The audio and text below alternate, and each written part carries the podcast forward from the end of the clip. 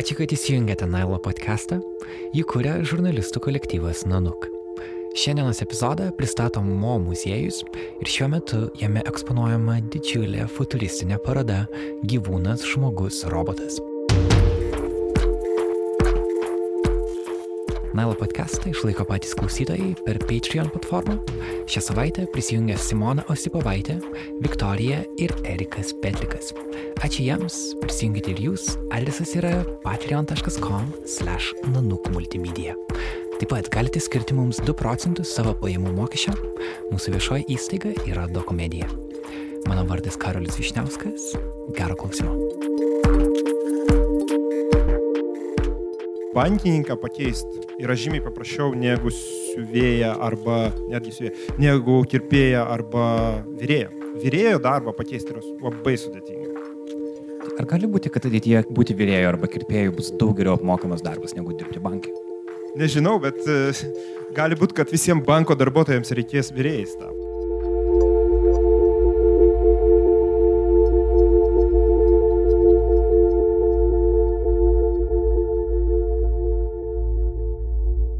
Kai pradėjome kurti podcastą, daugiausia laiko leidome studijoje ir pašnekovų erdvėse.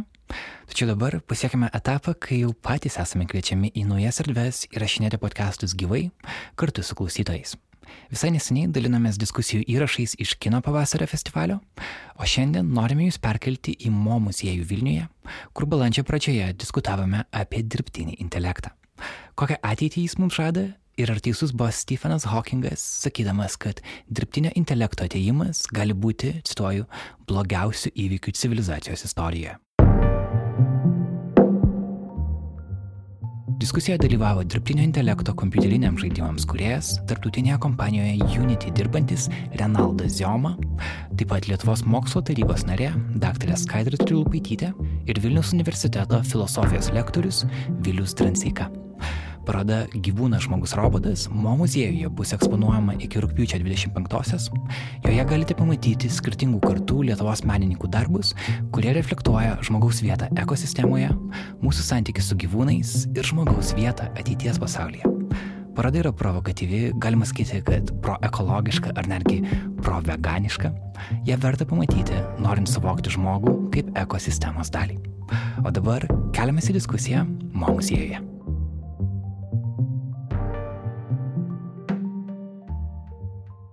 Sveiki visi atvykę į naujos mo parodos atidarimą ir į šitą specialų renginį, kuris yra parodos atidarimo dalis.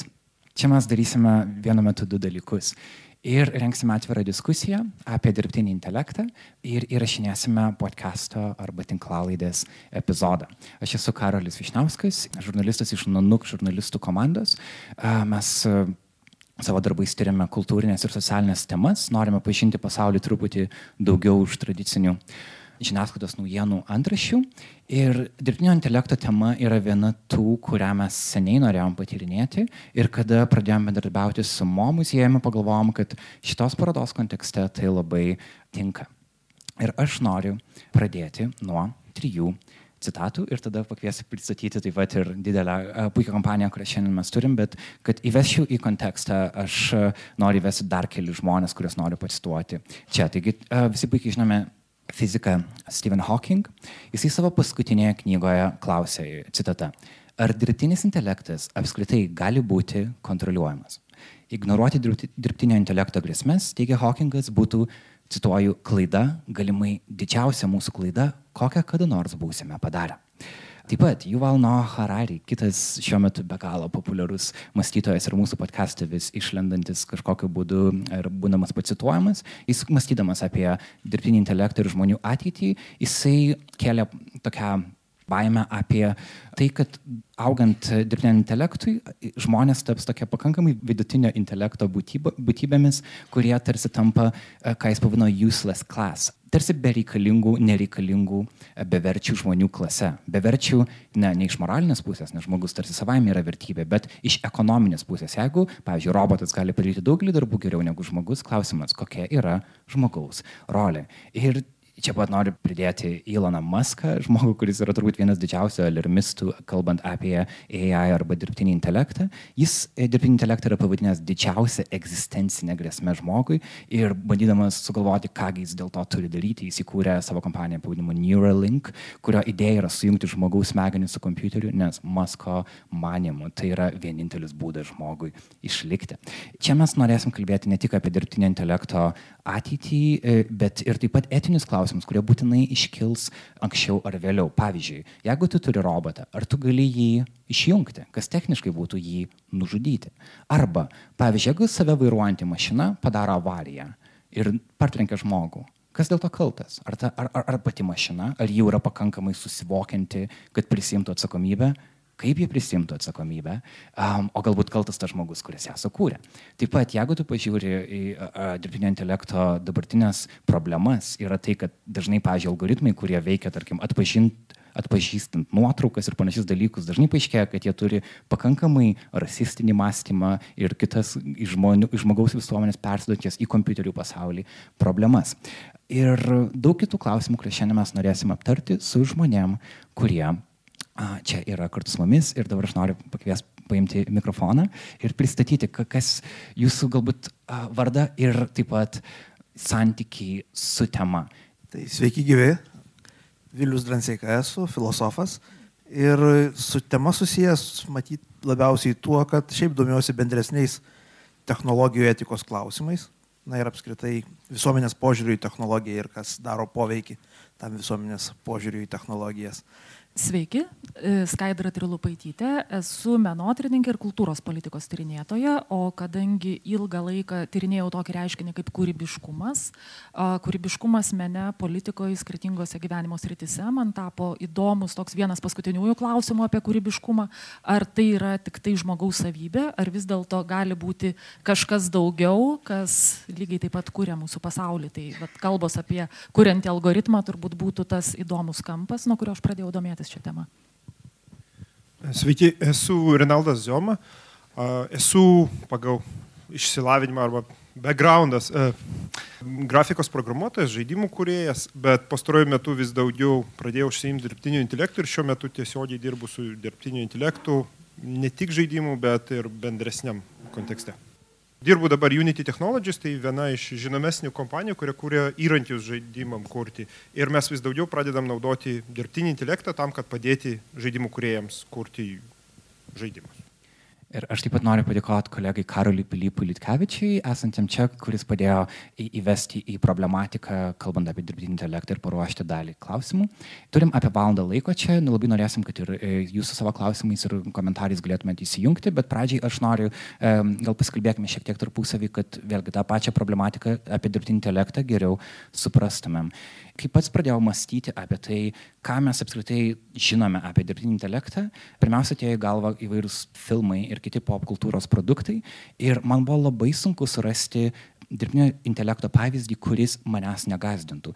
Įmant jau istoriją, pavyzdžiui, 60-ųjų vienas garsiausių filmų Space Odyssey, jame buvo garsusis robotas Hal, kuris, aš tikiuosi, kad visi matėte šitą filmą, nes jeigu nematėte, aš dabar šiek tiek išduosiu atsižetą, bet ateina tokia vieta, kada robotas nustoja klausyti savo tų astronautų, kurie skrenda kartu ir pasako, ne, I'm afraid I, can, I cannot do that. Jis tokį labai mandagių balsų pasako, ne, aš negaliu to padaryti, ko tu manęs prašai. Ir galiausiai žmogus tampa roboto įkaitu. Pavyzdžiui, vienas naujesnių filmų iš mokslinės fantastikos yra Ex Machina, kuriame vėlgi, spoiler, įspėjimas, pabaigoje robotė, kur yra išlaisvinama kito ten patekusi į laboratoriją vaikino, tas vaikinas galiausiai lieka uždarytas numirti ir jinai pabėga į laisvę.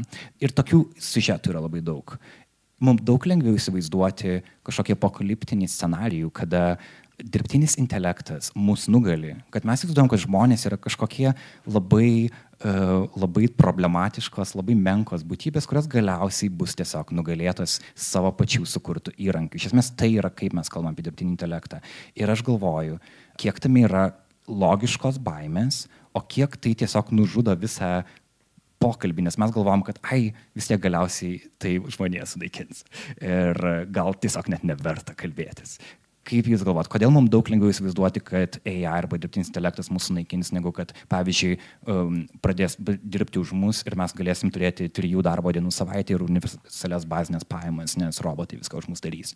Dėkui, Karoli, kad pradėjai nuo kino filmų ir populiariausios kultūros įvaizdžių, nes jie turbūt yra tie, nuo kurių ir verta pradėti, kalbant apie tuos e, baimių dalykus ir ypatingus lūkesčius, taip pat kurie yra siejami su šitas rytimi, nes dabar turime tokį ir politikoje pakilėjimą, tą vadinamą dirbtinio intelekto hypą, kas tik nekalba dabar apie dirbtinį intelektą. Maždaug nuo 2016 metų, na, atsiradus naujom galimybėm, naujam produktam, politikai, strategai bando tą frazę vartot, kol jinai galiausiai nieko nebereiškia. Na ir žiniasklaida paprastai mėgsta pasigauti kažką, kas galbūt žada visai nepagristą lūkestį, įvinioti tai į tam tikrus įvaizdžius ir jeigu Google sistemoje surinktume, na, dirbtinio intelekto vaizdai, tai pamatytume tuos, na, visokius dalykus kaip elektroninės smegenis, ten a, formulės krentančios iš smegenų ir robotų nosių, aišku, ten kokia bežionė įvaldžius išmaniųjų telefoną ir būtinai tai bus robotai raudonomis akimis, tai yra robotai žudikai, kurie, aišku, ateina mūsų nugalėtina ir visos tos apokaliptinės pasakos, jos yra bauginančios, bet jos yra labai gerai generuojančios tam tikrus klikus. Ir šiuo atveju aš matau gal ne tik žiniasklaidos kaltę, bet ir politikų tam tikrą nepagristą lūkestį, na, kadangi patys produktų kuriejai, ypač robotikoje, dažnai pabrėžia tai, kad atradimai daromi labai lietai ir tikrai nėra kažkas sukūriama taip greit, kaip žmonės galbūt norėtų, bet paprasčiau yra sakyti, kad mes einame inovacijų keliu ir daugeliu šalių politikai skatina inovaciją no matter what. Reiškia, mes turim dabar sukurti kažką naujo, nes mes konkuruojam su kitomis šalimis, Amerika, Kinija, ES čia aišku ateina, na ir turim kuo greičiau padaryti kažką. Tai va žiniasklaida pasigavus tos įvaizdžius, įvaizdžius, na, labai lengvai mums parduoda tuos vaizdinius. Tai yra ir gerai, ir blogai, sakyčiau, žiniasklaida yra ta platforma, kuri gali e, žmonės įpratinti prie naujų dalykų. Bet tuo pačiu ir na, yra tam tikras pavojus, kad mes būsime taip ir nesupratę, kas yra tas dirbtinis intelektas, nes kalbama visai ne apie tai, ką turbūt norėtų mums parodyti produktų kuriejai labai konkrečiose sritise. Dažniausiai įsivaizduojama, aišku, tą bendro dirbtinio intelekto sritis arba singularity arba stiprus dirbtinis intelektas, visuotinis, na, kažkoks, nežinau, dievybės pavydalo protas, kuris mūsų užvaldys, iki tų dalykų, patikėkit, yra labai toli ir techno pasaulio žmonės apie tai nešneka, bet baimės yra sužadintos, lūkesčiai yra tam tikri, na, kiekvieną dieną įvyksta kažkokia revoliucija. Ir turim tokį, na, kaip čia sakoma, klešą arba uh, netitikimą, prieštaravimą tarp to, kur mes einame, einame labai įvairias rytis, yra tikrai daug pavojų toj srity, bet tuo pačiu, na ir tokių supaprastintų stereotipinių dalykų, kurie niekur neveda. Man atrodo, ta priežastis, kodėl tie vaizdiniai yra tokie kraupus, yra gana, gana banali. Ji tiesiog yra dėl to, kad na, tai yra dalykai, apie kuriuos mes na, neturim tokios tiesioginės patirties. Tai yra tam tikros ateities vizijos. Mūsų vaizduotė taip yra surėdėta, kad mes remiamės tie pavyzdžiai, kurie ateina pirmieji galvoje, atrodo įtikinamesni, labiau tikėtini. O tie pavyzdžiai ateina, aišku, iš literatūros, iš kino ir taip toliau, o literatūroje, kine ir taip toliau, tu neturi geros istorijos be, be konflikto, be tragedijos ir taip toliau. Ir tiesiog tada tie tokie paradigminiai pavyzdžiai, jie ateina iš tokių labai banalių naratyvo konstravimo priežasčių, ne, ne kažko kito, aš manyčiau. Bet vėliau, ar tu nematai tame kažkokio giluminio e, nusivylimą arba baimės iš pačių žmonių, kad Mes įsivaizduom, kad aha, mes esame, žinai, ekosistemos viršai ir panašiai, ir štai mes valdom žemę, bet kažkur giliai yra mąstymas, kad bet iš tikrųjų tai ne, iš tikrųjų mes, mes tikrai pralaimėsim šitą kovą, jeigu jinai bus. E, galbūt dėl to žmonės ir žiūri tuos siužetus, nes, jie, nes jiems tai patvirtina, kad iš tikrųjų žmogus nėra toks beribiai galingas, kaip e, kartais gali atrodyti. Galbūt yra kažkiek to ir tada šiais laikais galbūt dirbtinis intelektas yra pakaitalas to dalyko, ką seniau atlikdavo maras, karas, badas ir visokie kiti įvairius kataklizmos. Tai jo, jeigu tu nori įsivaizduoti, kaip pasaulis galėtų baigtis, dabar vienas iš tokių šiai dienai einamųjų scenarijų būtų, na, jis galėtų baigtis, na, su kažkokiu uh, žmonijos sunaikinimu per dirbtinio intelekto veikimą. Niekas nebegalvoja apie atominį karą, pavyzdžiui. Mažiau. Mažiau, šitas, šitas nuėjo toliau. Aha, Renaldai, norėjai, bet taip pat yra vietų šiek tiek atsėsti, jeigu čia, jeigu, jeigu norite. Taip. Aha. Aš dar norėjau tokią paralelę su filmuose, e, filmuose paralelę norėjau su svetimom rasėm, su alienais, e, su, su iš kitų planetų atvykusiom e, potencialiai e, rasėm. Jos irgi panašiai vaizduojamas kaip jie, jos irgi mums yra dažniausia, viso, visi tie scenarijai yra dažniausia pavojingi žmonėm. Ne? Aš manau, kad čia irgi problema dalinai todėl, kad mes neįsivaizduojam tiksliai, kas, kas yra dirbtinis intelektas, ką jis galėtų daryti ir mes neturim su juo ir neturėsim turbūt gero emocinio ryšio, nes mes žmogų ganėtinai empatiškai galim suvokti ganėtinai gerai, ne, galim pasakyti, ką jisai darys, kaip jis emociškai jaučiasi, tačiau su mašina mes neturėsim šitos galimybės. Kodėl aš svetimus paminėjau, nes svetimi irgi, jie dažniausiai filmuose vaizduojami kaip kažkas, ką mums empatiškai sunku suprasti. Tai, manau, viena iš baimių yra grinai to empatinio ryšio neturėjimas. O Renaldai, kai mes kalbam apie dirbtinį intelektą, iš tikrųjų apie ką mes kalbame, nes manau, kad ta diskusija šitą temą yra tik tai tame taše, kad mes dar nesame apibrėžę, kas apskritai tai yra. Pavyzdžiui, jeigu mes kalbėtumėm apie lėktuvą, tarkim, lėktuvo pilotai, jie dirba tada, kada lėktuvas pakyla ir kada nusileidžia. Tuo metu, kada lėktuvas yra ore, jis nėra valdomas tuo metu. Gali sakyti, kad, kad tai yra dirbtinis intelektas vairuojantis šitą lėktuvą. Arba, pažiūrėjau, jeigu aš esu, žiūriu savo Netflix profilį ir matau, kad aš pažiūrėjau vieną filmą ir dabar matau penkis panašius į tą, tarsi kompiuteris rekomenduoja man filmus. Ar tai jau yra dirbtinis intelektas, ar ne. Arba jeigu aš turiu Alexa kolonėlę, kuriai pasakau, pagrok man Lady Gaga, ar tai yra dirbtinis intelektas ar ne? Čia labai geras klausimas.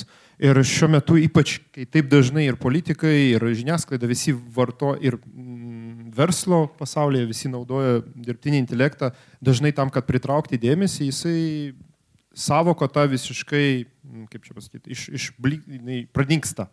Labai nekonkreti ir neaišku, apie ką kalbame.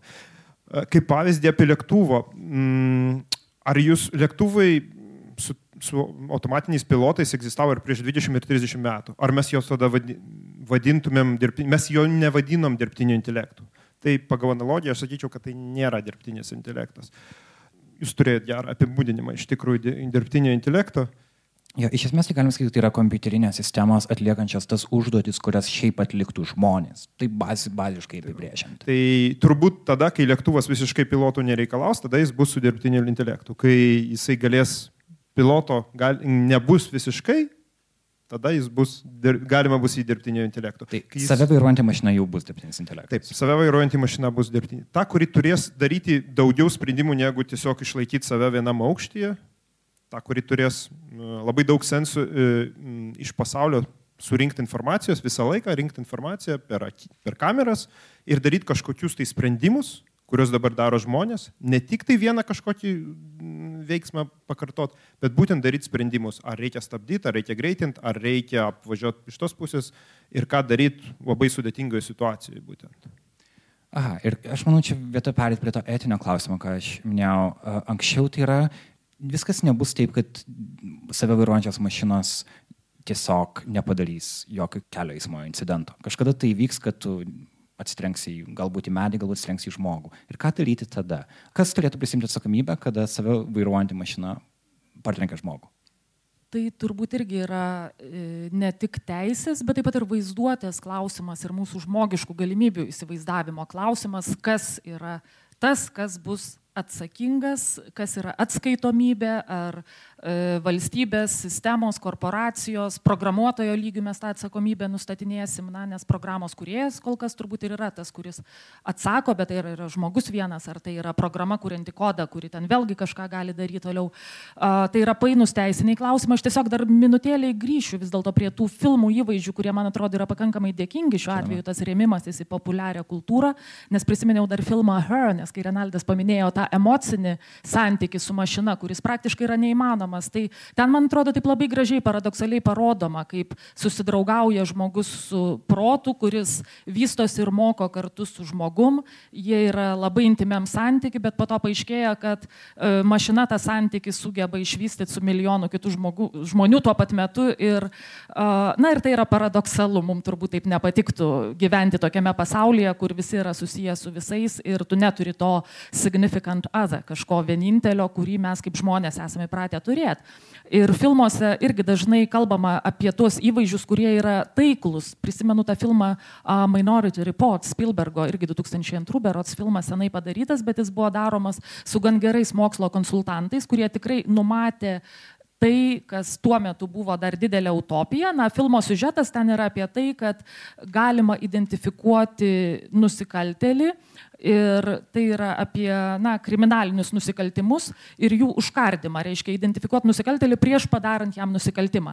Tai teismų sistemoje vat, kažkokios panašios užuomasgos dabar jau tai yra, sprendžiant apie tai, kas yra uh, labiau linkęs nusikalsti, tai Amerikoje apie tai galvojama, bet čia su ta pačia etika susiję ir ten yra dar filme rodomi taip pat tokie technologiniai dalykai kaip erdviniai ekranai braukiami, kuriuos tu tiesiog gali na, skaityti kaip tekstus kažkokius. Tai irgi turbūt jau nebus labai didelė uh, naujiena greitai. Tai vat, tokie dalykai yra gan palankus, kalbant apie naujosius produktus. O grįžtant prie etikos, tai uh, galima pasakyti, kad dabar po tam tikrų įvykių, kuriuos Karol irgi paminėjai, kad na, 18 metais kilusių skandalų, kai uh, Uberio mašina partrenkė pėsčiai, Vokietijoje Tesla, vėlgi automobilis, kuriame yra vairuotojas, bet tai tuo metu yra vairuotojo nepilotuojamas automobilis, užmuša vairuotoją ir vėlgi dėl ko taip atsitinka, na tai yra klausimai, kurie verčia kompanijas tuos produktus tobulinti, bet tai yra tokie vienetiniai atvejai, dėl kurių turbūt kol kas to intelekto mes negalim apkaltinti, na nes lygiai taip pat žmonės girti sėda prie vairo ir užmuša kitus žmonės. Tai procentaliai turbūt dirbtinis intelektas čia kur kas mažiau kaltas, negu kad žmogus būtų kaltas. Ir, na, darytų tai, kas yra neatsakinga, kas reikalauja taisyklių, bet mes jų nesilaikom. Vis dėlto etika jau ateina į avanseną, politinę avanseną. Na ir va dabar tas politikų, korporacijų kilęs susirūpinimas etikos klausimais, man atrodo, bus tokia nauja ir svarbi tema e, šiemet ir ateinančiais metais. Tai dar truputį prie tos pačios temos apie atsakomybę. Labai sunku iš anksto kažką pasakyti tas turėtų formuotis per skandalus, kažkokius reakcijas, tokius rezonansinius įvykius. Bet manau, nėra pagrindo tikėtis, kad visiems dirbtinio intelekto taikymams bus, susi, bus taikoma ta pati tvarka. Veikiausiai, reiškia, sakykime, karyboje vis tiek ten bus išspręstas klausimas gana paprastai, kad jeigu ten, sakykime, koks pusiau autonominis dronas padaro kažką, kas žmogaus atveju būtų nusikaltimas žmogiškumui, veikiausiai atsakingas vis tiek bus tas, kas davė įsakymą. Sakykime, automobilių atveju čia vėlgi turbūt didžiulis klausimas bus būtent ir tokių, e, iš esmės gal netgi Europos komisijos vaidmo čia bus kertinis, kai kažkokį reglamentą išleis, o būtinai išleis ir tada paaiškės, kas ten bus atsakingas. Ar, ar, ir veikiausiai tai bus kompanijos, būtent ne individualūs programuotojai, ne automobilių savininkai, bet būtent tie, kas pardavinėja tos automobilius. Medicinos srityje, kur irgi dabar daugėja tų taikymų, tai aš nelabai tikiu, kad kažkada artimų metų mes atsidursim toje situacijoje, kuomet bus leidžiama, sakykime, diagnostinės paramos priemonės kažkokias taikyti, na, kažkaip daugmaž autonomiškai. Visą laiką bus gydytojas, kuris priema galutinį sprendimą. Ir, ir tokiu atveju vis tiek didžioji dalis atsakomybės klius būtent pačiam gydytojui, kuris gali konsultuoti su kažkokiamis dirbtinio intelekto sistemomis tam, kad diagnozuotų ten iš kokios rentgeno nuotraukos kokį jaulį ar dar kažką. Tai iš esmės mes prezimom, kad žmogus vis dėlto turi didesnį intelektą negu dirbtinio intelekto kūrinys, bent jau šitame momente, ar ne? Kad galiausiai vis dėlto tai yra žmogaus atsakomybė.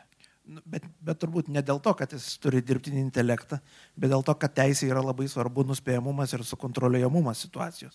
Tu negali įvesti tokios tvarkos, kurioje bus nebeįmanoma atrasti, kas yra, kas yra atsakingas. Reikia rasti kaltą. Bet teisė irgi yra bekintantis dalykas. Pavyzdžiui, jeigu pažiūrėtumėm teisų istoriją, tarkim, toks dalykas kaip gyvūnų teisės ilgą laiką nebuvo laikomas kažkokiu, na, maždaug gyvūnų teisės, apie ką mes kalbam, ar ne? Lygiai galbūt mes panašiai dar galvojam robotų teisės, kodėl robotas turėtų turėti teisę, na, juk žmogus įskūrė ir mes galim su juo daryti, ką norim. Bet um, čia galim perėti ir prie to emocinio ryšio, apie kurį kalbėjote anksčiau. Buvo įdomus eksperimentas darytas pernai JAV, kur buvo 43, nedidelio masto, bet vis tiek šitą atskleidžiantis. 43 savanoriai susidūrė su vienu robotu, kurį jie turėjo išjungti. Bet robotas buvo suprogramuotas taip, kad jis sakytų, ne, neišjung manęs. Ir jis buvo gražaus veido, gražių akių. Ir 13 žmonių atsisakė tai padaryti. Jie sakė, aš negaliu išjungti šitą robotą. Man jo gaila. Tai man įdomu, ar, ar robotų teisės yra visiškai realus klausimas, kurį mes gal spręsime, nežinau, po dešimtmečio ar poros? Dėl teisų veikiausiai iš pradžių turėtų susiformuoti kažkoks, e, na, sakykime, moralinės normos tam tikros visuomenėje. Na, pakankamai didelės grupės žmonių turės tam tikrus įsitikinimus apie tai, kaip galima ar negalima elgtis su, su robotais ar, ar, ar panašiai. Ir, ir koks galėtų būti kvapas va šito dalyko, tai galima įsivaizduoti, va paties pateikti pavyzdžiai arba kai visai nesnei čia buvo e, Boston Dynamics toksai robotas Big Dog, toks, nu, pana, keturkojais. Tai YouTube įdėjo ten tokius testus, kur jo stabilumas yra matuojamas pastumint jį koją. Tai yra visai įdomu pažiūrėti, kaip komentarai atrodo po to, po to, po to e, video. Ir ten labai daug yra tam tikro susirūpinimo. Sakoma, negalima taip elgtis. Ir tai yra dėl to, kad žmonėms yra labai lengva antropomorfizuoti arba priskirti žmogiškas arba, sakykime, na, kažkokias psichologinės savybės įvairiom būtybėm. Ir tada, matyt, pasipiktinimo mes labiausiai galim tikėtis būtent tose sritise, kur bus lengviausia empatiją kažkokią turėti. Vadinasi, tai bus... jeigu robotas atrodys kaip žmogus ir turės gražias akis ir skleis kažkokį liūdėsio, tada, tada mums bus sunkiau. Jo, ir aš taip, jeigu man reiktų spėlioti, kuriuose srityse pirmos prasidės rimtos diskusijos apie tai, kad tam tikrą elgesį su robotais reikėtų uždrausti, tai bus sekso robotai ir robotai, kurie padaryti tam, kad jie būtų panašus į naminius gyvūnus. Okay. Skaidri Renaldai, ką jūs e, manate? Jo, tai tas naminio gyvūno pavyzdys labai taiklus šiuo atveju, nes aš irgi pačiau tą filmuką ir ten buvo tas robotukas iš tiesų mokomas, nes tam, kad jisai sugebėtų vaikščioti ir kaip po to jo kuriejas sakė, na, labai didelę satisfakciją pajuto kažkada rudenį išvedęs, galbūt tai buvo ir kitas robotukas, bet analogija to šuničio vaikščiončio ir pamatė, kaip jisai mokinasi žengti žingsnius sudėtingų reliefų. Tai tas pardimas, aišku, susijęs su, su tam tikrais algoritmais algoritmais, turbūt su giluminio mokymo dalykais ir su e, vadinamaisiais dirbtiniais neuroniniais tinklais, na, tam tikros sistemos, kurios pačios save apmokina ir svarbu tom sistemom duoti užduoti, išstovėti ant kojų, na ir turbūt spardant tą sistemą tą ir daro, mokinasi stovėti ant kojų, jeigu taip reikia. O robotų antropomorfizavimas tai irgi būtų tokia įdomi sritis, nes a, prisimenu tą a, e, robotą Sofiją garsų, kuris buvo vežiojamas irgi ten rodomas daug kur kaip kalbanti moteris moteris, tai jai suteikta pilietybė Saudo Arabijoje, na, jinai labai inteligentiškai bendrauja, bet turbūt mažai kas dabar tiki, jog tai yra a, tikrai tas intelekto lygis, su kuriuo tu bendrauji, na, maždaug aišku, kas tai yra. Taip, o iš tų atvejų, vat, kurie irgi buvo aprašinėjami, kaip santykiaus žmogus emociškai su robotu, tai buvo po tam tikrų įvykių Amerikoje, Naujame Orleane, kai buvo uh, po, po, po, po šitų visų potvinių, reiškia, reikėjo gelbėti žmonės ir po to jie turėjo sąlygas išgelbėti tam tikrus gyvūnėlius.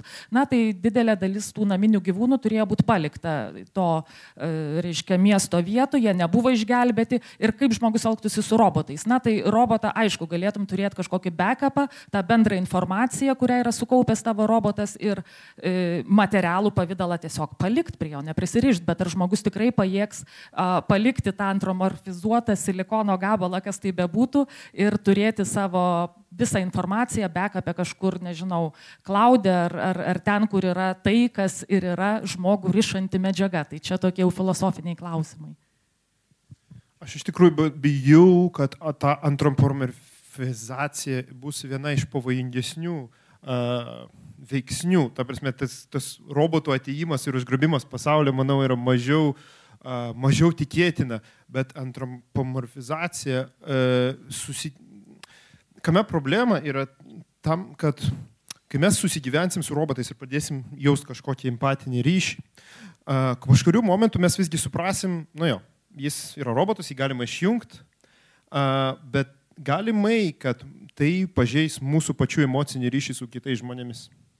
Jeigu mes galėsim palikti robotą šuniuką, kuris atrodys kaip šuniukas, lengviau negu tikrą šunį.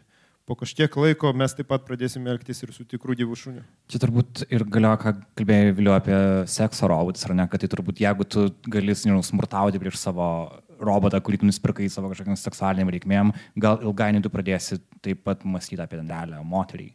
Yra, yra šita baimė ir jinai yra labai sena. Jinai jau filosofi, moralės filosofijos istorijoje, sakykime, tas pats Emanuelis Kantas prieš kelis šimtus metų, jo pagrindinis argumentas prieš na, smurtavimą su gyvūnais ir buvo kaip tik toks, kad kuomet mes, reiškia, smurtavome prieš gyvūną, mes tada kažkaip tas elgesys persikelia į kitus kontekstus.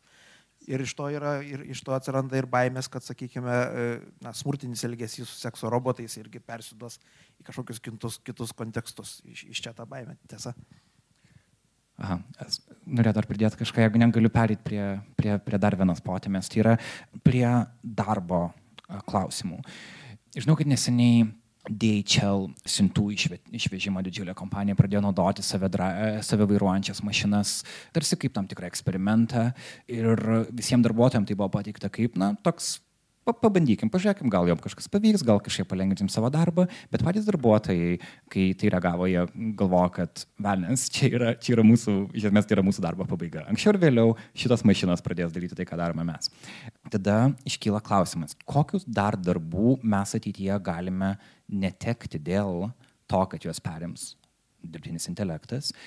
Ir klausimas yra, ar, tai, ar mums tai reikėtų to bijoti, Nes jeigu pavyktų visuomenės sistemą kažkaip truputį pakeisti, kad tie žmonės, kurie išeina, kurių, kurių darbą pakeičia uh, dirbtinis intelektas, galbūt jie gali, aš vėl grįžtu prie universalių bazinių pajamų idėjos, gal jie tiesiog gali gauti atlyginimą, kurį jiems uždirba robotai ir jie gali tuo metu, pavyzdžiui, tapyti ar daryti kažką, apie ką jie visą laiką svajojo daryti. Um, tai čia yra vienas klausimas. Ir taip pat, Renaldai, mes prieš diskusiją kalbėjome apie tai, kad iš tikrųjų tie paprasti darbai, mažai apmokami darbai, iš tikrųjų yra daug sudėtingiau robotų pakeičiami negu, pavyzdžiui, darbas, tarkim, banke. Galėtum labiau apie tai išspręsti. Taip, tai va, toks įdomus, kaip ir paradoksas yra, kad tai, ką mes įsivaizduojam, yra sudėtingas uždavinys mums kaip žmogui, pavyzdžiui, išmoks žaisti šachmatais, uh, kompiuteriui tai yra ganėtinai, ganėtinai paprastas, paprastas uždavinys. Tačiau atvirkščiai tai, kas mums atrodo labai paprasta, tai ką mes darom nuo, nuo, nuo vaikystės, atpažinti vaizdus, orientuotis aplinkoje, judinti savo kojas, tai yra labai sudėtingas uždavinys kompiuteriui ir tai sudėting, labai sudėtingas uždavinys ir robotui.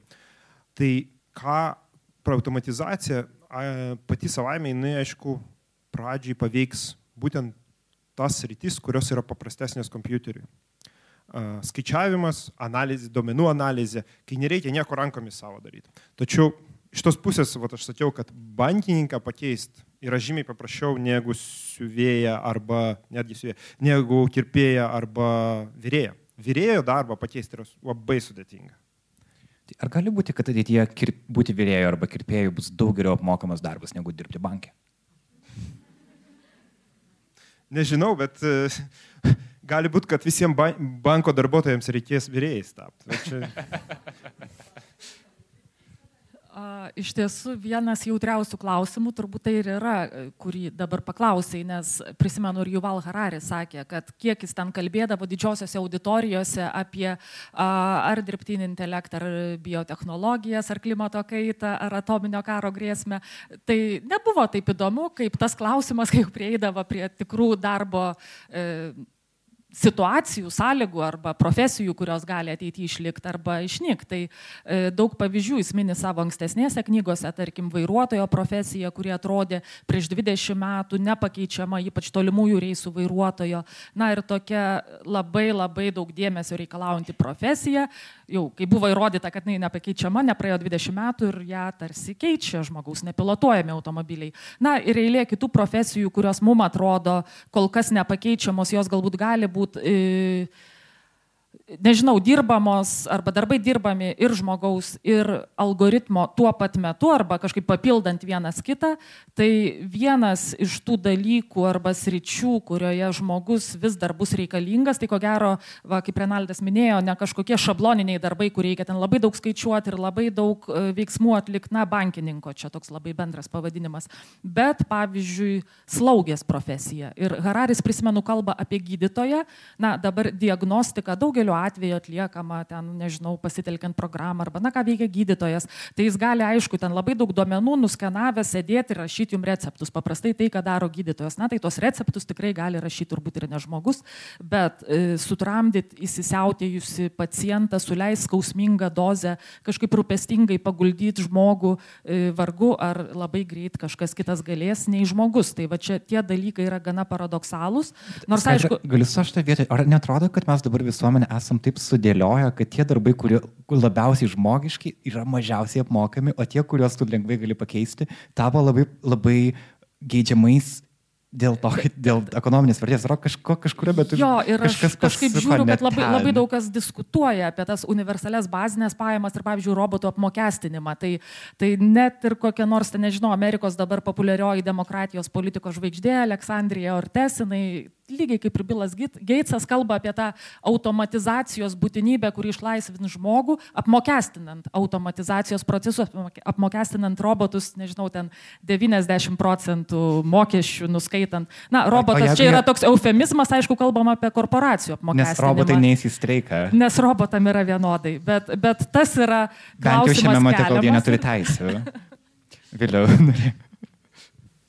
Aha, tai čia labai sunku prognozuoti, kaip atrodys ta, ta ekonominė aplinka ateityje, nes daugeliu atveju tas e, technologinė kaita, kuri, sakykime, po industrinės revoliucijos vis ir vis kažkas atsitinka, e, tai to technologinio nedarbo būna kažkokios bangos, bet paprastai jos stabilizuojasi ilgainiui ir tada dalis ekonomistų mano, kad ir mes galim tikėtis ir toliau tokių pačių procesų, dalis ekonomistų skeptiškai žiūri į tą dalyką ir labai sunku, sunku kažką prognozuoti ši- šiuo atveju. E, Kitas dalykas, kuris turbūt yra e, gal nepakankamai dėmesio susilaukiantis, tai kad ne, ne tik darbo aplinką keis kažkaip, sakykime, ta pati robotizacija ar, ar, ar platesnis dirbtinio intelekto taikymas, bet apskritai pasaulį. Sakykime, veikiausiai mūsų miestai turbūt atrodys visai kitaip, nes ne, ne tos automatinės mašinos prisitaikys prie mūsų gatvių, o mūsų gatvės prisitaikys prie tų mašinų, pasidarys. Mes turėsime miestus su tokiamis gatvėmis, kurios bus patogios, būtent reiškia tam, tam tai automatiniai mašinai. Panašiai kaip robotai gamyklose, jie paprastai irgi tokioj dėžėje dirba. Tai reiškia supaprastinta aplinka, kur maksimaliai yra panaikintas nenuspėjamumas ir tada mes galime automatizuoti daugelį procesų. Tai veikiausiai ir tie patys mūsų miestai bus tokie, kuriuose bus mažiau netikėtumų štai tų funkcijų atlikimui.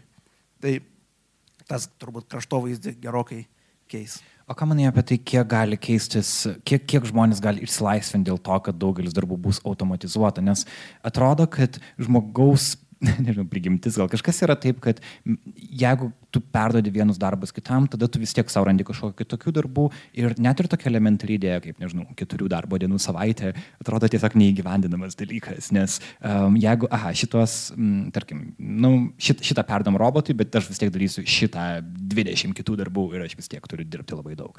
Uh, Ar čia yra kažkas daugiau, ar čia kažkas ekonomikoje yra, kas neleidžia žmonėms laisvinti, ar tai yra žmogaus DNR, kad jis nuolat turi kažką daryti? Aš nežinau, kaip, kaip yra matyti.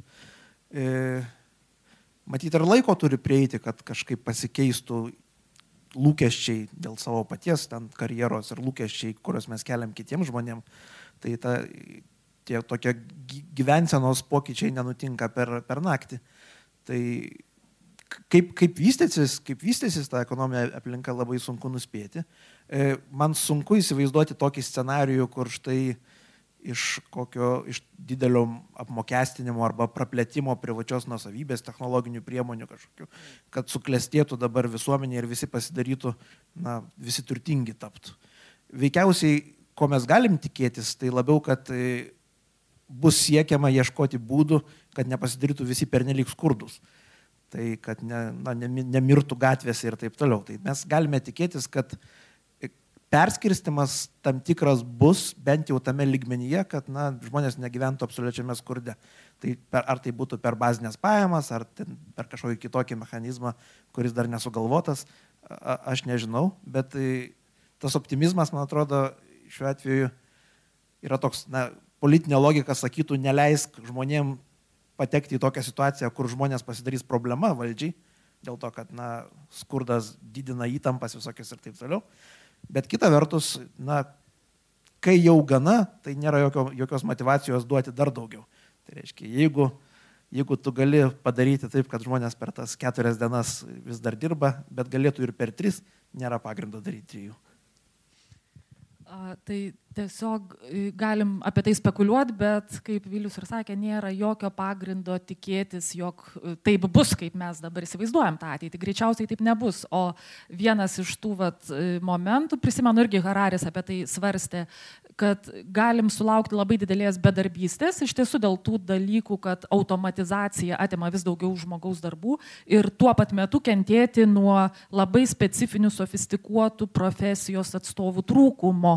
Ir ten duodama tokia eilė pavyzdžių, na pavyzdžiui, kalbam apie tas industrinės revoliucijas kelias ir galim tikėtis, kad, na, žmogus praradęs darbą žemės ūkį, nebereikia tiek daug valstiečių, jis eina į miestą, dirba pramonės kažkokiai srity, įvyksta dar viena revoliucija skaitmeninė revoliucija, na, nebereikia tiek daug darbininkų fabrikuose, žmogus eina, persikvalifikuoja į paslaugų sektoriaus darbuotoją, na ir dirba kur nors Valmarte ar kažkokioj kitoj įmoniai, kur, e, na, tiesiog malonų darbą atlikdamas ten nevargsta taip, kaip vargo būdamas darbininku, bet dabar yra vis daugiau atvejų, kai net ir paslaugų sektoriuje tuos empatinius pardavėjus e, atstovauja robotai, robotės bent jau neseniai skaičiau Japonijoje, na čia irgi kasdieną tų pavyzdžių vis e, nukrinta kažkokių įdomesnių, bet tarkim e, pardavėjo kosmetikos parduotuviai labai maloniai bendraujanti su savo klientėm yra robotė, nes aišku, jinai daug geriau tą daro negu pavyzdžiui šiaip pardavėja, kuri ten stovi jau pavargus ir, ir, ir kelias valandas ten turi aptarnautas klientės. Tai vat, gali būti, kad čia ir, ir tokie pavyzdžiai kaip nepilotuojami, uh, nežinau, ten kariniai lėktuvai, apie kuriuos irgi Hararis minėjo, jie dabar reikalauja labai daug naujų profesijų, uh, būtent žmonių, kurie apdorotų tos duomenys, kurie pilotuotų tą žmogaus nepilotuojamą lėktuvą, aišku, iš toli ir apdorotų tos duomenys. Tai ten gal 30 reikia tų, kurie pilotuoja ir 80 tokių, kurie apdoroja tos duomenys. Bet nėra jokios garantijos, kad to po kelių metų nepadarys programa, ne, ne, neblogiau už tą žmogų. Dabar daro programa kartu su žmogum. Tai, žodžiu, žiūrėti tą ateitį kažkaip labai optimistiškai nėra pagrindo ir turbūt liūdėt gal irgi nėra labai didelio pagrindo, bet kad dabar visos kasininkės eis ir taps, na, šokėjom, tapytojom, rašytojom, turbūt negalim tikėtis, nes Bet gal mes patys tapsim kasininkais savitarnos kasose, kuo pamažu ir čia, čia, čia gali būti taip, kad mes būsim, kaip Hararis sakė, tie arkliai, kurių nebereikia, nes kai e, nebereikėjo žmonių pervežinėti arkliais ir prekių, na tai atsirado, ką žinau, mašinos, kurios tą darė ir vairuotojai ėjo ir persikvalifikavo į taksistus. Dabar taksi tarsi irgi jau vairuotojo profesija tokia, jeigu Uberis yra nepilotuojamas žmogaus, gal ir nebereikalinga. Tai va ar tas e, vairuotojas spės tapti, nežinau, ten virtualaus pasaulio dizainerių žaidimo, ar gal jis ir spės labai didelės pastangas dėdamas, jis gal persikvalifikuos, bet tie procesai intensyvėja ir su amžium labai didelė abejonė, ar tu spėsi nuolat persikvalifikuoti kas 10, kas 5 metus, kas 3 metus į visiškai kito lygio profesiją, žinias, tapt, e, baigti matematikos studijas, na ir taip toliau ir taip toliau. Tai tos grėsmės, jos gali būti šiek tiek kitokios negu kad tų ankstesnių pramonės revoliucijų metu, kai tu visada rasdavai kažkokią dar ilgalaikę profesiją, ten 50 ir 20 metų kitame sektoriuje. Tas gali intensyvėti. Uh, jo, uh, ok, uh, galbūt yra klausimų dalyviams iš publikos. Aha, pirmin. Man beklausant iškilo toks klausimas apie profesijas. Tokia profesija kaip vertėjų. Kiek yra tikimybės, kad robotai gali ją perimti. Pavyzdžiui, kokie nors techniniai tekstai, jie turi e, nustatytas frazes, tai suprantu, kad jas perimti yra ganėtinai paprasta. O grožinė literatūra, spektakliai ir visa kita, kiek yra tikimybės, kad robotai sugebės išversti tai. Na čia gal dar liečia klausimą, kiek dirbtinis intelektas gali būti kuriejų ir kiek jisai gali perprast mūsų kūrybą, žmonių kūrybą.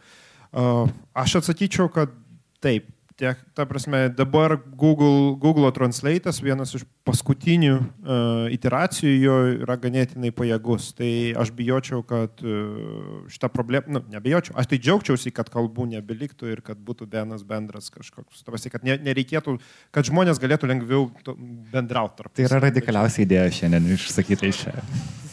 Truputį dėl vertimo.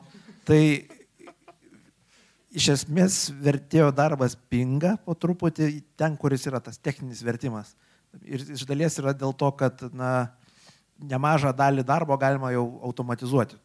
Ir tada reikia tiesiog sužiūrėti detalės visokias, kad būtų tvarkinga. Kas automatiškai tada pigina apskritai vertimą, kas skatina turėti daugiau tarptautinių ryšių kompanijose, kas reikalauja turėti, atlikti daugiau vertimo darbo.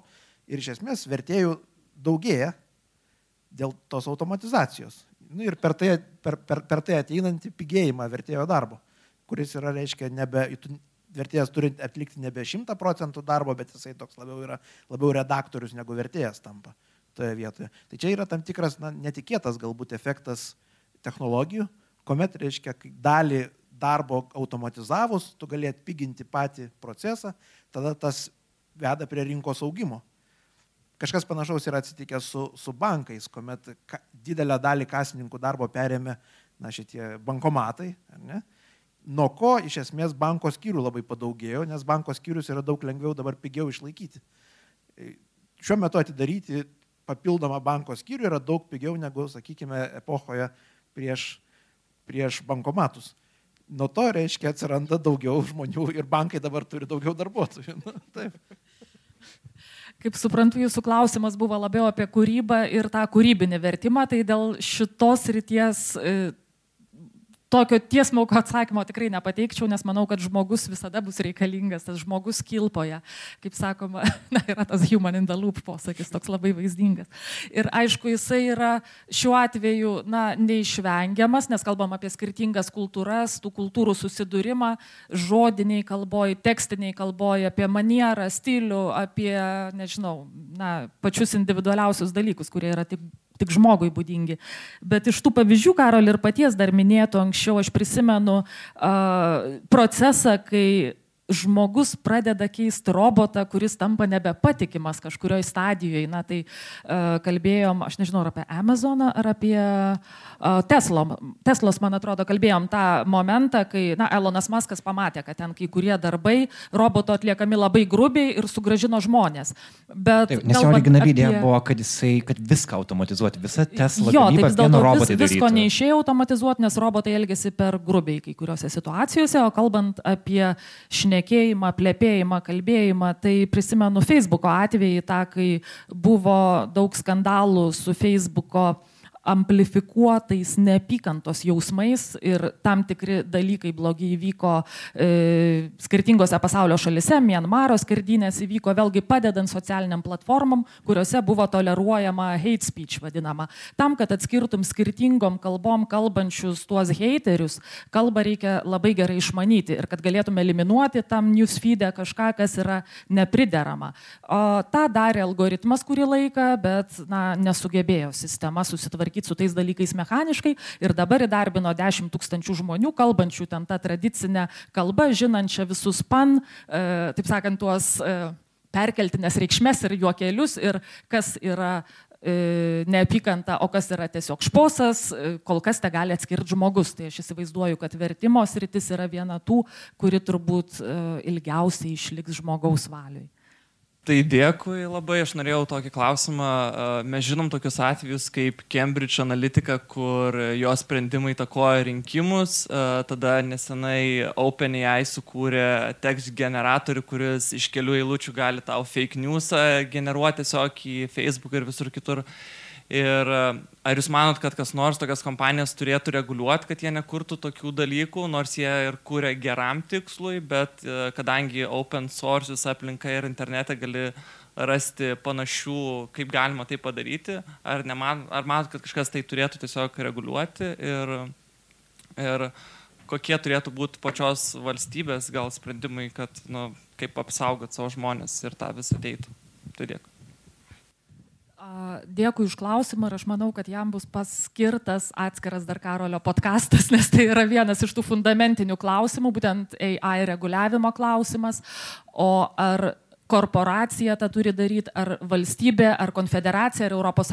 Tai taip, ES dabar kuria tam tikrus instrumentus, nežinau, gal jums teko girdėti apie tą GDPR nuo 18 metų įsigalėjusi, na tai dabar etikos kodeksas kuriamas ir tam tikros gairės rašomos, kuriama bendra skaitmeninė erdvė Europoje, kuri galbūt irgi kažkiek reguliuotų tų produktų plėtrą ir kokiam ligmenį tai galėtų būti. E, iš tikrųjų, nieks nežino, kaip tą daryti dabar, atsakymo vieno nėra, o kalbant apie tą patį patį Facebooką, tai prisimenu, nepaisant to, kiek e, vadovas kompanijos skleidė gerųjų naujienų, tos naujienos vis būdavo paneigiamos kokio nors skandalo. Tai uh, po to, kai buvo pasakyta, jog Facebook is connecting people, na, vyko Amerikos prezidento rinkimai, kurie baigėsi truputį taip neaiškiai būtent su socialinių platformų įtaka. Ir Zuckerbergas, na, ką jis padarė, jis kažkokia irgi sukūrė naują strategiją, kurioje uh, buvo aiškinama, kad reikia žmonės vis dėlto burti bendruomenės, skatinti tam tikras grupės Facebook'o, kurios būtų tarsi socialiniai klyjei, žmonės vienytų tam tikri interesai, jie bendrautų ir tai būtų tokia demokratijos klaidos platforma, kas atrodė labai gražus uždavinys ir staiga bum, Cambridge Analytica. Kas atsitiko? What? Na, visi e, susisgrybo, kad tie didieji duomenys, kurie buvo skirti geram tikslui, staiga pasklido ne visai švariais kanalais, neaišku kaip, kur, kodėl naudojami buvo ir tokiais pažadais tikslais, na, kaip būkim atviri, darykim gerą, do the right thing, let's be good, e, tais e, etikos kodeksais iš tikrųjų mažai kas tiki, bet tai yra labai svarbus dalykas ir aš manau, kad jis e, galimai bus sprendžiamas antram, trečiam, ketvirtam etape nuolat tikrinant ir testuojant produktus, dar prieš jiem pasiekiant masinį vartojimą. Nes aišku, labai gražu parašyti etikos kodeksą, e, kuris tokiom bendrybėm tik tai pasižymi, bet kai kažkas įvyksta, staiga žmonės pamato, kad ten procese vis dėlto etika nedalyvavo. E, procese buvo siekiama rezultatyvumo, efektyvumo, greičio ir taip toliau. Nediduką dalyką dar pridėti. Tai vargu jeigu reiktų man paspėlioti truputį, paburti ateitį, kaip, kaip judės šitie dalykai, tai nelabai tikėčiausi, kad bus sprendžiama kažkokiais draudimais, kad tam tikro tipo informacijos negaminti, neįleisti ir taip toliau. Labiau tikėtina turbūt kokia nors sertifikavimo sistema paremta pasitikėjimu. Na, kažkas kaip, sakykime, Wikipedijoje, kur vieni kitus patikrina ir tada tu gali tikėtis, kad kažkur tenai, jeigu yra didelė kontroversija, tai jinai bus pažymėta, o jeigu yra konsensusas, tai mes ten galėsime aptikti. Bet tai ateina ne per filtravimą informacijos draudimų pagalba, bet būtent labiau per kūrimą kažkokių centrų, kurie, na, savo reputaciją patvirtina, kad mūsų informacija yra kokybiška. Tai kad kažkas tokio galėtų internete plėtotis labiau, man tas atrodo įtikinamiau. Aš manau, kad dalinai tai problema ne ne pačio dirbtinio intelekto, o tų naujų tinklų ir naujų ryšių tarp žmonių, kur anksčiau neegzistavo. Dabar žmonės žymiai labiau, kaip angliškai pasakyti, interconnected. Uh, tuo me, me, mes kaip visuomenė, kaip demokratija, kaip, kaip polit, politinė sistema dar nežinom, kaip nuo to apsisaugot. Tai be abejo, to labai daug kas naudojasi ir naudosis. Informacija tampa ginklu, jinai anksčiau buvo ginklu, bet dabar jinai dar aiškiau išsiriškina, kad tai yra veiklus ginklas. E, manau, dirbtinis intelektas gali būti e, šiuo atveju dviejos, abiejose pusėse, jis gali būti kaip ir kenkėjas, taip pat dirbtinis intelektas gali būti naudojamas kaip identifikatorius būtent tokių problemų. Identifikuoti ar fake newsus, identifikuoti ar kažkas manipuliuoja informaciją. Aš manau, kad tai bus abiejose pusėse naudo, naudojamas. Ir tai gali būti trečias variantas - ne tik sertifikacija, bet pačio dirbtinio intelekto naudojimas, surasti, galbūt tai netgi valstybės tą darys, bandyti identifikuoti kenkėjus arba kitas valstybės, kurios bando tai padaryti ir kuo greičiau kažką su to daryti, jau po to per, per legal priemonės. Tai yra toks e, teoretinės fizikos atstovas Mičijo Kakų, ir jisai populiarina mokslą ir yra sakęs, kad yra galimybės jungti žmogų kartu su dirbtiniu intelektu ir koks, kokios būtų perspektyvos tokio žmogaus, kuris kartu dirba su dirbtiniu intelektu, nes buvo visai daug kalbama apie tokį kaip, kad dirbtinis intelektas pakeičia žmogų ir tokia kaip atskirtis atsiranda, bet galėtų kažkas būti tokio kaip ir kartu. Tai jo, kokios perspektyvos to būtų. Gal kad visus tos klausimus į vieną vietą sumesti. Chatbotai yra gana, kaip čia, primityvi dirbtinio intelekto forma. Ir jie dabar jau yra embedinami į visus websaitus, ypač parduotuvės juos labai mėgsta, kur gali pasišnekėti su virtualiu asistentu. Kitaip tariant, dirbtinis intelektas geba kurti rašytą turinį beveik taip gerai kaip žmogus. Kokia prasme iš socialinių tinklų, kuriuose dirbtinis intelektas gali bendrauti kaip žmogus ir tu nebegali būti tikras, ar tu kalbi su žmogum ar su dirbtiniu intelektu. Ir paskutinis klausimas. Buvo toks robotas, dirbtinis intelektas AlphaGo, kuris plačiai nuskambėjo, nes jisai laimėjo Go žaidimą. Tai yra vienas sudėtingiausių stalo žaidimų. E, bet jo veikimo principas yra gana deterministinis. Jisai pasiskaičiuoja e, visus galimus variantus, jis juos išbando ir taip išsiaiškina, kas yra, kas yra gerai, ar ne. E, aš žinau, kad nuvažiavęs nuo pučkorų todangos su mašina, turbūt gero outcome nesulauksiu. Man, man nereikia nuvažiuoti, kad aš suprasčiau, kad baigsis blogai. Aš galiu tą įsivaizduoti dirbtiniam intelektui, kiek aš suprantu, reikėtų bent keletą kartų nuvažiuoti nuo tos atodangos, kad jis suprastų, kad tai nėra gerai. Kiek toli yra dirbtinis intelektas, kuriam mokytis nereikia iš tų pabandymų? Čia, čia yra labai fundamentalus dirbtinio intelekto klausimas. Uh, ir čia visą laiką yra, ta, ta, kai, kai, kai diskutuoja žmonės, ar dabartiniai algoritmai, kuriuos mes naudojam, ar jie panašus tai, kaip žmogus mokosi, ar jie nepanašus. Uh, tam tikra prasme jie panašus, tam tikra prasme ne. Bet mes iš tikrųjų savęs taip gerai nepažįstam, kad mes galėtumėm atsakyti tiksliai tą klausimą, kodėl tu gali įsivaizduoti, kas tau atsitiks. E, taip, ar tu matėjai tai filmuose, ar tu matėjai, ar tu vaikystėje kritai nuo pučkurių atodangos be mašinos. Labai sunku tą iš tikrųjų įvertinti. Ir mes, e, mes gyvenam daug metų ir per tą laiką mes suakumuliuojam taip vadinamą tą modelį pasaulio, su, su, sukuriam. Ir vidury tom vid, galvoj mes tom, tą modelį galim modeliuoti kažkokios toliau, kas mums atsitiktų. Tai dabar dirbtinio intelekto e, kryptis yra irgi, kuri e, tą patį bando sukurti. Tai yra iš esmės e, modeliavimas, kad dirbtinis intelektas galėtų modeliuoti e, nepabandęs taip tiesiogiai, bet modeliuoti, sukurti pasaulio modelį kažkokį. E, tai tas pats StarCraftas, e, StarCraftą dabar vat, po AlphaGo e, Google žaidžia Star, e, StarCraft arba League of Legends, ten jau sudėtingesnis, variantas, ten negalima visko į priekį išbandyti, tačiau rezultatai gan neblogi.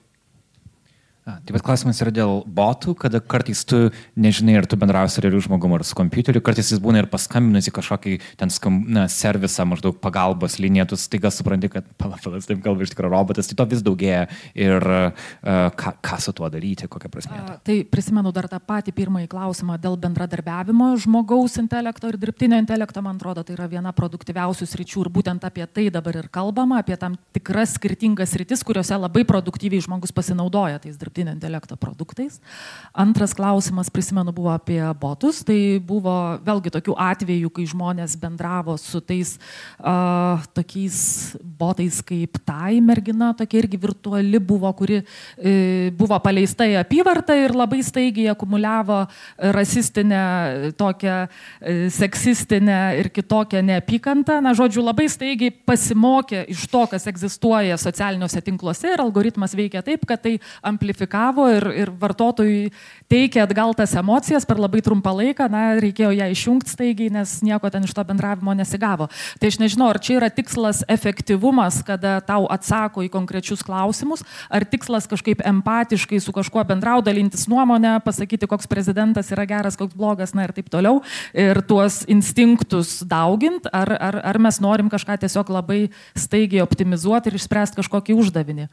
O trečias dalykas buvo minėta AlphaGo programa, tai turbūt mokymasis uh, žmogaus, mašinos, algoritmo mokymasis yra viena įdomiausių filosofinių problemų ir apie tai, aš manau, galima daug kalbėti apie tai, kaip mašina mokosi ir iš žmogaus, ir ne iš žmogaus, nes dar vienas žingsnis toks buvo Alpha Zero programa, kuri mokėsi tiesiog pati iš savęs, išmoko per keturias valandas žaisti tais šachmatais, visai nesimokius iš tos tūkstantmečių žmonijos patirties šachmatų žaidime.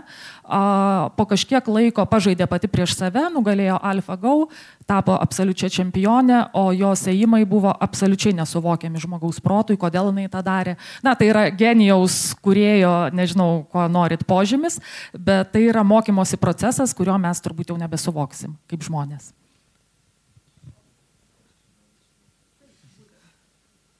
truputį dėl, dėl tų socialinių tinklų ir anonimiškumo tame tarpe ir, ir botų įvairiausių. Tai veikiausiai labai dėl skirtingų priežasčių žmonės eina į socialinius tinklus ir, ir dažnai visai nesvarbu, kad kažkas, nu, turbūt retai, bent jau man retai būna, kur man netiek svarbu, ar, ar, ar sakykime, aš bendrauju su botu, jeigu man tiesiog reikia informaciją susirasti kokią nors. Jeigu botas tą padarys, man yra tvarkoj. Bet šiaip didžioji dalis bendravimo vis tiek vyksta su žmonėmis, su kuriais tu turi kažkokį ilgesnį pastovų kontaktą ir, ir, ir taip toliau. Ir netgi veikiausiai tendencijos turbūt dabar tokios yra, kad vis paaugliai vis dažniau nebe Facebook'e sėdi, kur tu gali susisiekti su didesniu kiekiu žmonių, bet pereina į tokio grupinių keitimosi žinutėmis programas visokias ir taip toliau, kur tu turi uždaras grupės tam tikras, na ir tu žinai, kas yra toje grupėje ir, ir, ir taip toliau.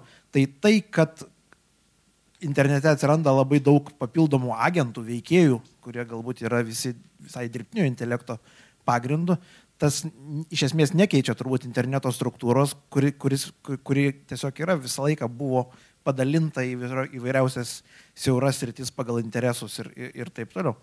Tai didelė dalim atveju tiesiog, bent jau man, man atrodo, netenka bendrauti su, su dirbtiniu intelektu.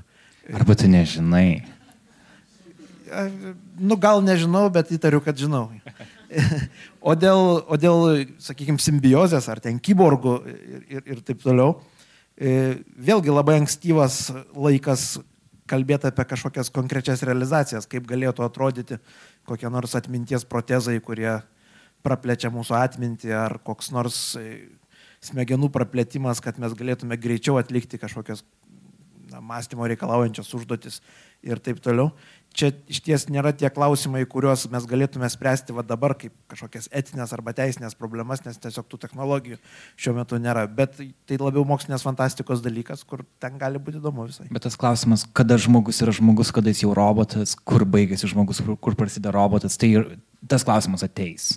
E, galbūt kažkurio metu ateis, bet man atrodo, kad e, mes gana, jeigu tie pasikeitimai bus laipsniški, tai tada na, ne, ne, veikiausiai net nebus tos ribos, už kurios yeah. mes nebepripažinsim, kad tai yra žmogus. Na, panašiai kaip dabar. Na, gerai, žmogus turi širdies veiklos stimulatorių, akinius, dar kažką. Tas nieko iš esmės nekeičia, nors tie dalykai iš esmės yra svarbus, sakykime, tam žmogui, jis galbūt mirtų, jeigu išjungtum ten tą stimulatorių. Na, jeigu mes pridėsime dar truputį detalių, dar truputį detalių, veikiausiai visuomenė pripras prie tų dalykų, veikiausiai mes galėsime na, ir visas detalės pakeisti ir vis dar išlaikyti iš esmės tą, tą patį santyki.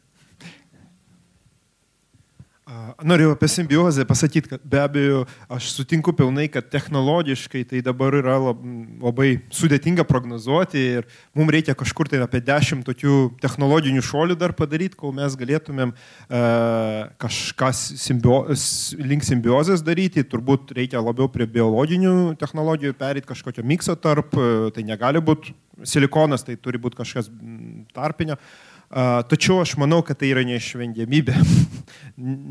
neišvengiamybė iš tos pusės, kad e, mašinos ir žmonės labai gerai, bent jau mąstymo prasme, labai gerai papildo viens kitą.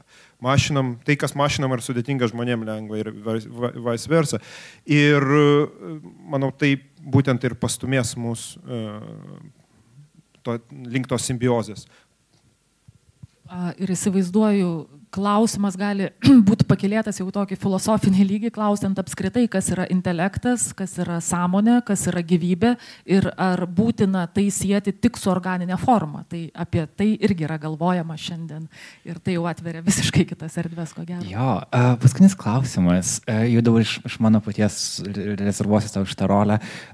Kiek kaip Jūs man, kiek tokie pokalbiai, kokie vyksta čia, turėtų būti dažniau dabartiniai visuomeniai? Nes um, man įdomu, štai, uh, kai mes iškojame žmonių, kurie galėtų kalbėti iš dirbtinio intelekto kuriejų pusės, pažiūrėjau, Renaldai, tave daug kas rekomendavo, bet aš galvoju, aš, aš žinau daug žmonių, aš tavęs nebuvau girdėjęs niekada. Ir atrodo, kad yra kažkokia maža bendruomenė žmonių, kurie realiai tai kuria, ku, ir plačio visuomenė apie juos nelabai ką žino. Galbūt, pavyzdžiui, grįžtant laiku šiek tiek atgal, žinai, koks nors Mark Zuckerberg irgi buvo tiesiog studentas, sukūręs dalyką, kuris realiai pakeitė, kaip mes dabar visi gyvename.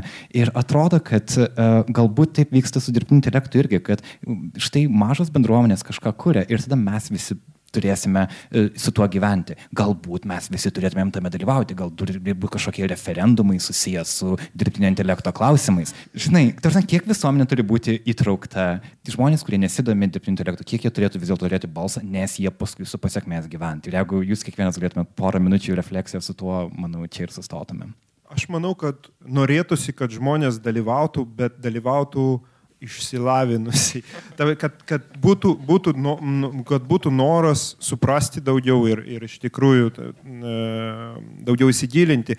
Aš labai norėčiau, kad daugiau žmonių neuroscience užsiimtų, su, supratimo apie mūsų pačių smegenį, neuromokslų, kaip neuromokslas, turbūt lietuviškai teisingai, supratimas apie mūsų smegenis, tai yra labai svarbus dalykas mum kaip ir kaip žmonėm, kad save geriau suvok, tiek ir dirbtiniam intelektui.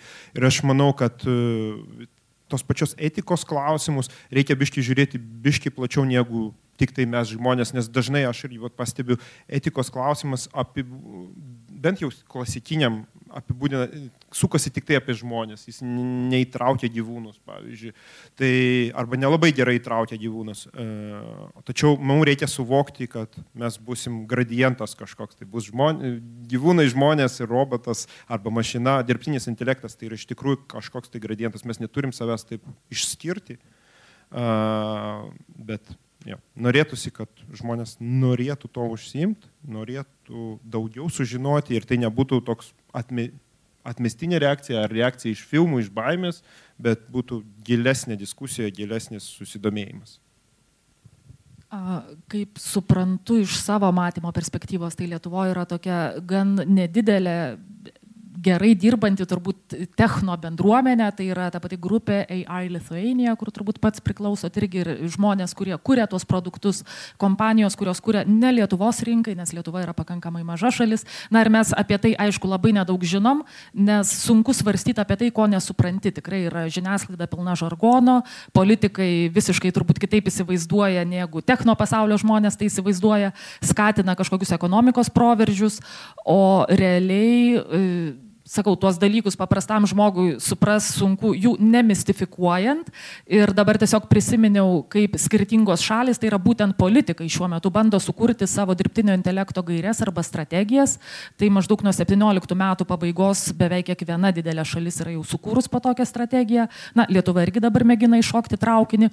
Ir man patiko Suomiai, aišku, nebūtų socialdemokratai ir tokie savo tikrai demokratijos platformos sklaidos idėjom persisėmų šalis, jie nutarė nutarė išmokinti programavimo 1 procentą savo gyventojų. Na, gyventojų, kurie nebuvo iki tol susiję su programavimu, tam, kad atsirastų techninis raštingumas ir supratimas apie technodemokratiją, su kuria mes na, norėtume susidurti turbūt demokratiniai plotmėjai labiau negu kažkokioj, na, tik siauroji techno žmonių bendruomeniai atiduodami tuos reikalus. Tai.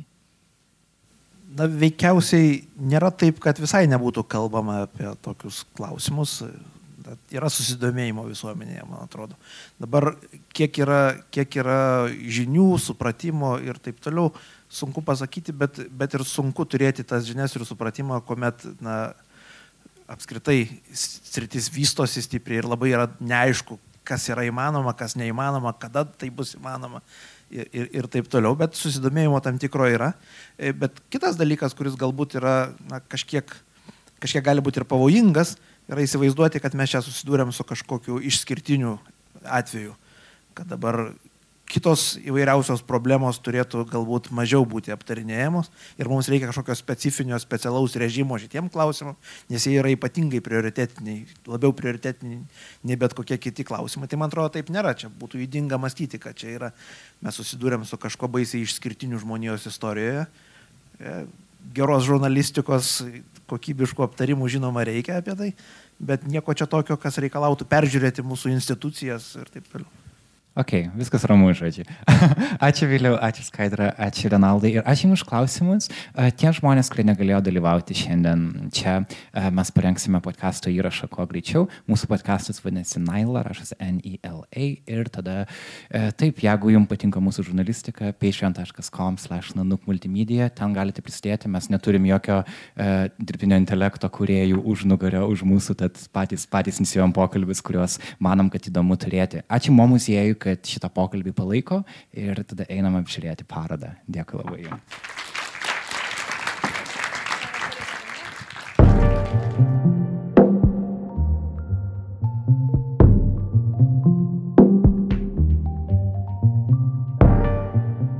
Toks mūsų epizodas šiandien. Primenu, kad jame kalbėjo dirbtinio intelekto kompiuteriniams žaidimams kuriejas Renaldas Joma, Lietuvos mokslo tarybos narė dr. Skaidra Trilupaitytė ir Vilnius universiteto filosofijos lektorius Vilius Transeika.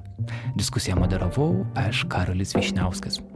Norime padėkoti Mo muziejaus komandai, ypač Birutį Zimnickai ir Viktorijai Aprimaitį, už jų pagalbą rengiant ir viešinant diskusiją. Taip pat ačiū Nanu garsistams Katai Bitoft ir Aistai Baltraitytei už įrašą ir Sevelinai Venskutei už fotografijas iš diskusijos. Jas pamatykite Naila.lt ir Nanuk Facebook'e bei Instagram'e. Epizodui muziką kūrė Martinas Gailius ir Kata Bitoft. Už studiją balsų įrašyti ačiū nacionaliniai Martino Mašvido bibliotekai. Jeigu jums epizodas patiko, pristėkit prie podcast'o auginimo adresu patreon.com slash nanuk multimedia. Mūsų 100 dolerių patronai yra Blossomwood Foundation ir Benedikto Gylio paramos fondas. Nailo podcastą kuria žurnalistų kolektyvas Nanuk. Sustikime kitą savaitę. Iki.